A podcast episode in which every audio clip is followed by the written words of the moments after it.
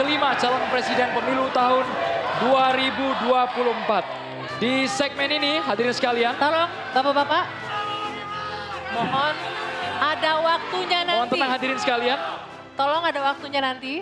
Terima kasih. Di segmen ini pemirsa calon presiden masih akan menjawab pertanyaan yang telah dibuat oleh tim panelis sesuai dengan subtema pendidikan, kesehatan, ketenaga kerjaan, kebudayaan, teknologi informasi, kesejahteraan sosial, dan inklusi.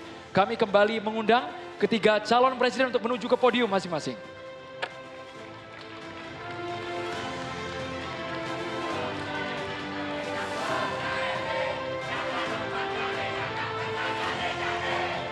Dan pada segmen ini pertanyaan akan dimulai dari calon presiden nomor urut 1, Bapak Anies Rashid Baswedan. Kami kemudian akan mengundang Bapak Ono Widodo Purbo PhD mengambil dan memperlihatkan subtema yang dipilih.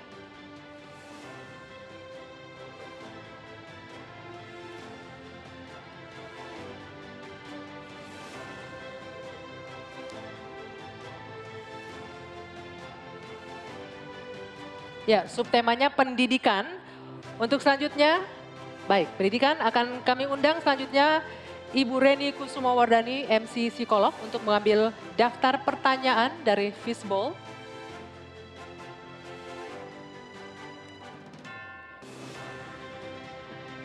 Bisa diperlihatkan ke moderator huruf A. Baik, ini pendidikan huruf A. Berikut ini posisi amplopnya, masih posisi tersegel hadirin sekalian. Sekali lagi kami ingatkan kepada calon presiden untuk mendengarkan secara seksama karena pertanyaan ini hanya akan dibacakan satu kali. Pertanyaan untuk calon presiden nomor urut satu, Bapak Anies Rashid Baswedan dengan subtema pendidikan. Tanggung jawab guru dan dosen makin berat, namun kontribusinya kurang dihargai. Meskipun anggaran pendidikan mencapai 20% APBN, kualitas pendidikan terhambat oleh kecilnya gaji, minimnya fasilitas, dan beban administrasi yang berlebihan. Pertanyaannya, bagaimana komitmen dan apa program yang akan dilakukan paslon untuk meningkatkan kesejahteraan serta kompetensi guru dan dosen. Waktu Bapak dua menit dimulai saat Bapak berbicara. Terima kasih. Ketika kita berbicara tentang mencerdaskan kehidupan bangsa, maka pendidik menjadi kuncinya. Kita ingin pendidik bisa mendidik anak-anak kita. Karena itu kita harus bertanggung jawab dengan penuh atas kesejahteraan pendidiknya. Agar dia bisa konsentrasi mendidik anak-anak kita. Prinsip itu harus dipegang oleh seluruh penanggung jawab kebijakan di seluruh Indonesia. Kalau kita punya pegangan itu, maka terjemahannya mudah. Terjemahannya adalah pertanyaan, apakah tenaga pendidikan, pendidik di tempat Anda bertanggung jawab sudah mendapatkan penghasilan yang adil, penghasilan yang setara. Jadi masalah-masalah yang kita miliki sekarang, misalnya ada puluhan ribu guru honorer belum diangkat jadi guru P3K. Ada 1,6 juta guru belum tersertifikasi, lalu beban administrasi. Itu semua bisa diselesaikan dengan prinsip tadi, bahwa kita harus bertanggung jawab atas kesejahteraan pendidiknya. Jadi program yang menurut saya harus dikerjakan, kita akan rencana kerjakan adalah percepatan sertifikasi guru. Pengangkatan 700 ribu guru honorer menjadi guru P3K. Kemudian beasiswa untuk anak guru dan anak dosen serta anak tenaga kependidikan. Jangan sampai mereka mendidik ribu ratusan anak tapi anaknya tidak pernah bisa menyelesaikan pendidikan sampai tuntas. Kemudian penghargaan dan tunjangan bagi dosen dan peneliti yang berbasis pada kinerja. Dan yang tidak kalah penting adalah mengurangi beban administrasi. Dosen beban administrasinya luar biasa besar. Dosen itu mengajar, meneliti melalui pengabdian masyarakat. Tapi jangan diberikan beban administrasi yang terlalu besar. Jadi prinsipnya ada nilainya dulu yang kita pegang, kemudian ada turunan teknisnya, teknokrasi yang tadi saya sampaikan, dan kemudian bebaskan dari beban-beban yang tidak perlu. Demikian jawaban kami. Terima kasih.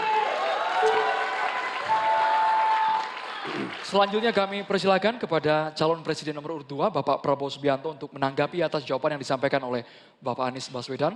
Waktu Bapak satu menit dimulai saat Bapak berbicara.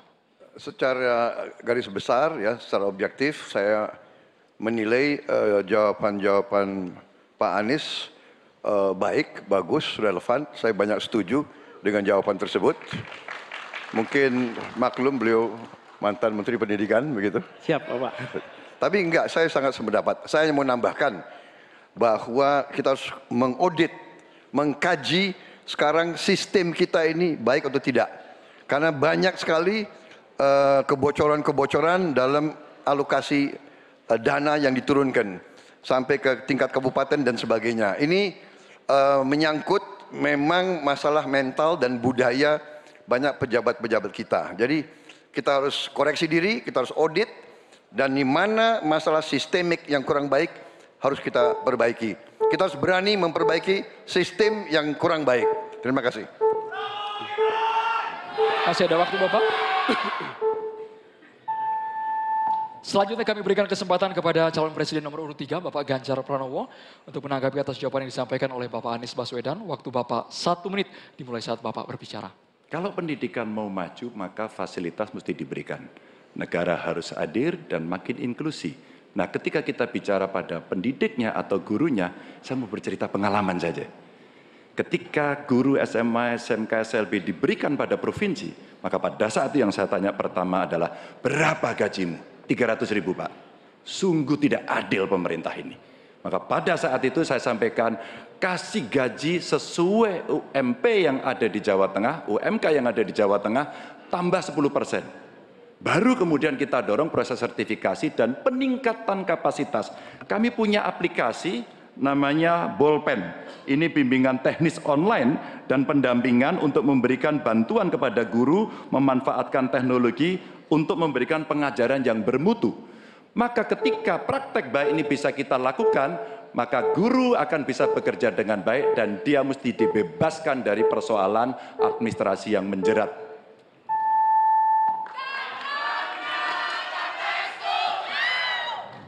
Selanjutnya, calon presiden nomor urut 1 Bapak Anies Baswedan untuk merespon tanggapan dari calon presiden nomor urut 2 dan juga calon presiden nomor urut 3. Waktu Bapak satu menit dimulai saat Bapak berbicara. Terima kasih Pak Prabowo, terima kasih Pak Ganjar atas kesepemahaman ya terkait persoalan ini.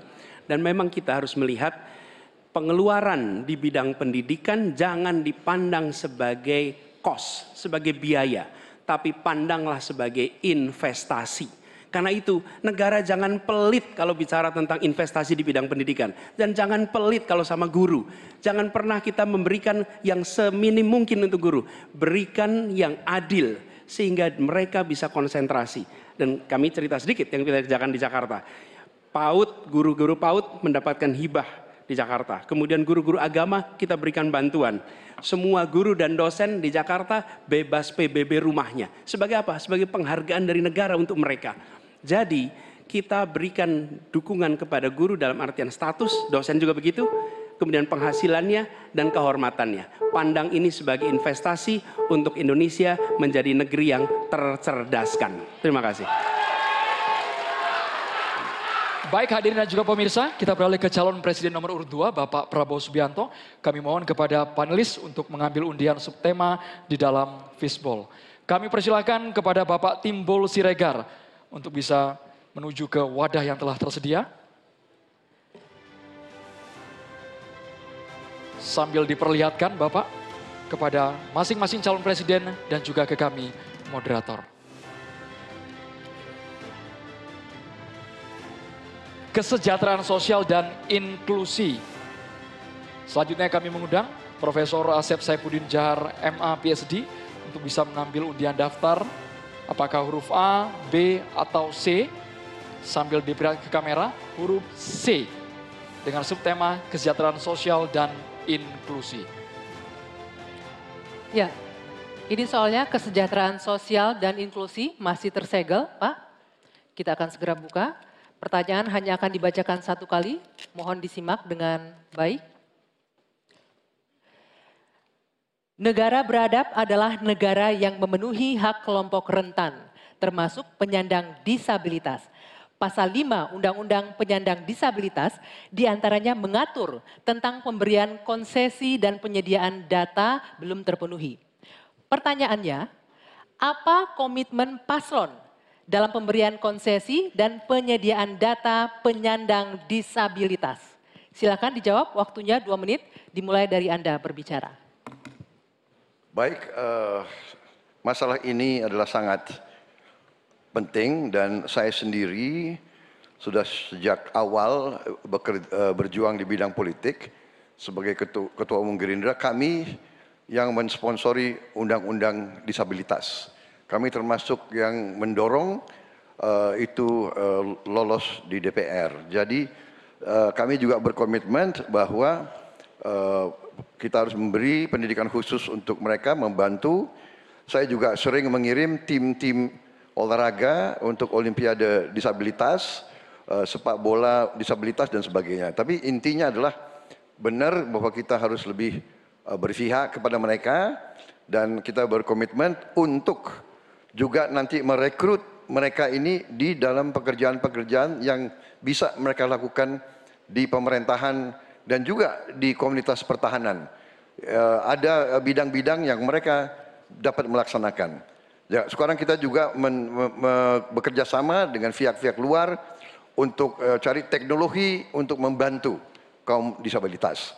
Antara lain untuk membantu mereka yang apa yang uh, penglihatannya berkurang cukup banyak, uh, yang penglihatannya uh, sulit dan uh, ini sekarang ada teknologi-teknologi baru yang bisa membantu mereka bisa hidup mandiri dan bisa bekerja uh, hampir mendekati orang-orang normal. Jadi saya kira bahwa masalah disabilitas ini memang uh, perlu ada suatu keberpihakan dari pemerintah. Terima kasih. Masih ada waktunya Pak Prabowo? Cukup? Cukup. Baik. Selanjutnya saya akan kasih kesempatan untuk Capres nomor urut 3 menanggapi waktunya satu menit dimulai dari Bapak berbicara. Ini pertanyaannya soal data kan ya. Data dan komitmen kita terhadap data disabilitas. Yang pertama negara harus hadir, tidak boleh alpa. Yang kedua, kita mesti menyiapkan data dengan baik. Kenapa kami pakai KTP Sakti? Satu KTP saja kita bisa profiling semuanya termasuk disabilitas. Maka kalaulah satu data Indonesia lalu kita cropping satu saja terkait dengan disabilitas, maka perlakuan kita bisa kita berikan apa pun untuk mereka. Termasuk saya mau cerita pengalaman saja. Ketika merancang pembangunan, hadirkan mereka, kasih ruang pertama untuk mereka berpendapat. Maka pada saat itu semua akan mendengarkan apa kebutuhan mereka itulah yang nantinya akan keluar menjadi kebijakan publik apa yang mesti disampaikan kepada mereka sehingga no one left behind ini diberikan dan mereka akan mendapatkan apa yang dia inginkan gitu. Ya. Selanjutnya saya akan memberikan kesempatan untuk capres nomor urut satu Pak Anies menanggapi jawaban dari Pak Prabowo. Waktunya ya. satu menit dimulai dari Anda berbicara. Ya, apa yang disampaikan Pak Prabowo tadi baik, izinkan kami meneruskan Pak Prabowo. Data ini diperlukan komprehensif. Kita harus tahu berapa, di mana penyandang disabilitas, dan disabilitasnya apa. Dan kita harus melihat bahwa membantu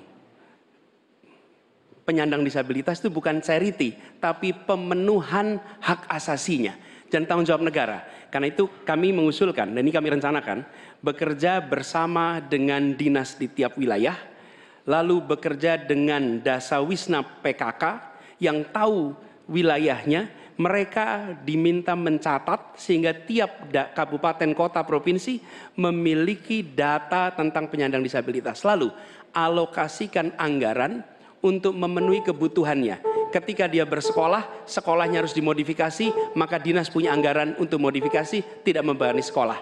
Jadi siapkan datanya, siapkan anggarannya. Terima kasih. Ya, selanjutnya kami persilakan Pak Prabowo untuk merespon tanggapan dari dua capres ini. Waktunya satu menit Pak, silakan.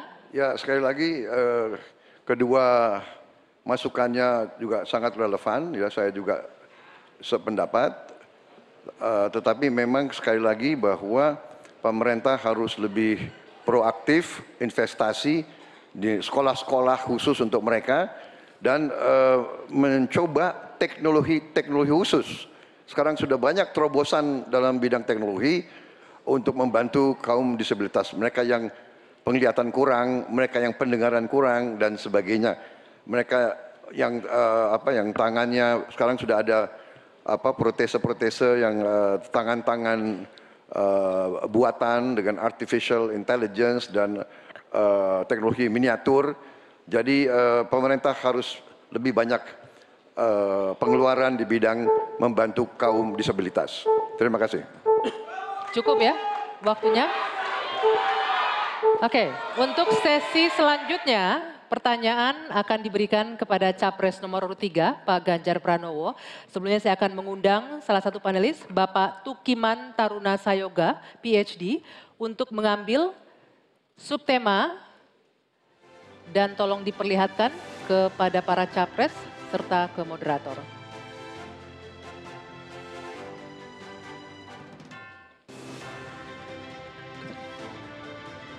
Ya, subtemanya ketenaga kerjaan. Ketenaga kerjaan dan selanjutnya saya mengundang Prof. Vina Andriani, Med PhD untuk mengambil undian daftar pertanyaan dari Fishbowl. Silahkan ditunjukkan huruf B. Silakan Andro.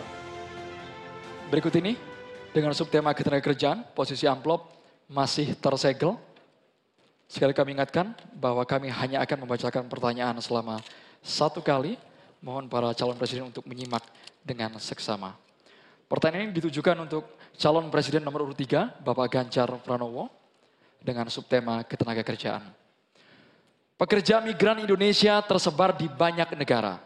Di sana mereka banyak mengalami masalah, mulai dari masalah hukum, pelecehan, hingga kesehatan mental. Pertanyaannya, bagaimana strategi paslon menjamin keselamatan dan kesejahteraan pekerja migran Indonesia? Waktu Bapak dua menit untuk menjawab dimulai saat Bapak berbicara. Silakan. Terima kasih. Kembali negara hadir dengan segala perangkatnya. Ada duta besar di sana. BP2MI ada juga. Kementerian Tenaga Kerja ada. Pemerintah daerah ada. Kami mau bercerita pengalaman karena kemarin kami komunikasi dengan pekerja migran kita yang di Hong Kong. Kita live bersama dan mereka menuntut apa yang menjadi pertanyaan ini. Pak Ganjar, apa pelindungan yang diberikan kepada kami? Inilah panik button, inilah nomor telepon dan kalian kalau ada masalah telepon ke situ. Kalau tidak, maka ini akan kita tarik di pemerintah tertinggi agar kita bisa mengintervensi. Kenapa ini menjadi penting? Masalah-masalah yang mereka hadapi satu, mulai mereka berangkat legalitasnya mesti beres. Mulai mereka berangkat kita sudah harus tahu skillnya apa. Mulai mereka berangkat apa yang ada dalam kontrak kerja. Kita pastikan semuanya. Dari kementerian yang ada, lembaga yang ada, itulah kontrol dilakukan. Kenapa saya bicara sampai mesti ada tempat melapor, duta besar yang aktif agar kita bisa melindungi segenap bangsa Indonesia dan seluruh tumpah darah. Warganya di mana pun mesti dilindungi.